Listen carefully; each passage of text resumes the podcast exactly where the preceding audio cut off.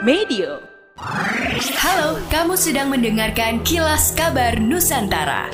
Podcast persembahan KG Radio Network menyajikan berita harian yang mengangkat keunikan dari berbagai wilayah Indonesia. Kilas Kabar Nusantara dapat juga didukung oleh pengiklan loh.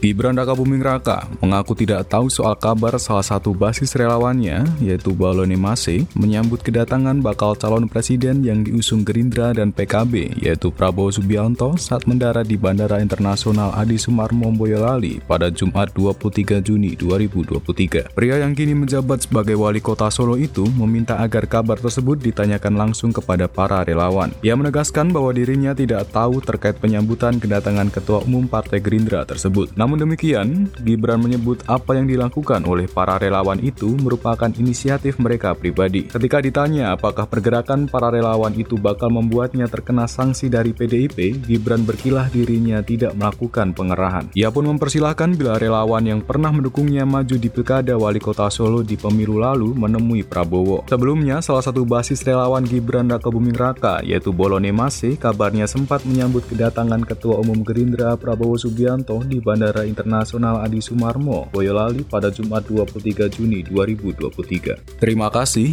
itulah kata-kata yang bisa disampaikan oleh Sukasno, peternak asal Kabupaten Karanganyar, di mana sapinya akhirnya jadi dibeli Presiden Joko Widodo. Warga di Desa Doplang, Kecamatan Karangpandan, Kabupaten Karanganyar itu pun juga merasa lega meski harus melepas sapi yang ia beri nama Bima itu. Sukasno menerima kabar langsung dari Sekretariat Presiden soal sapinya yang jadi dibeli oleh Presiden Jokowi pada Jumat Jumat 23 Juni 2023 lalu. Sukasno pun enggan menyebutkan berapa harga sapi yang akan dibeli Presiden Jokowi itu. Sapi miliknya diketahui merupakan jenis PO yang memiliki bobot hingga 700 kg. Demikianlah kilas kabar Nusantara pagi ini.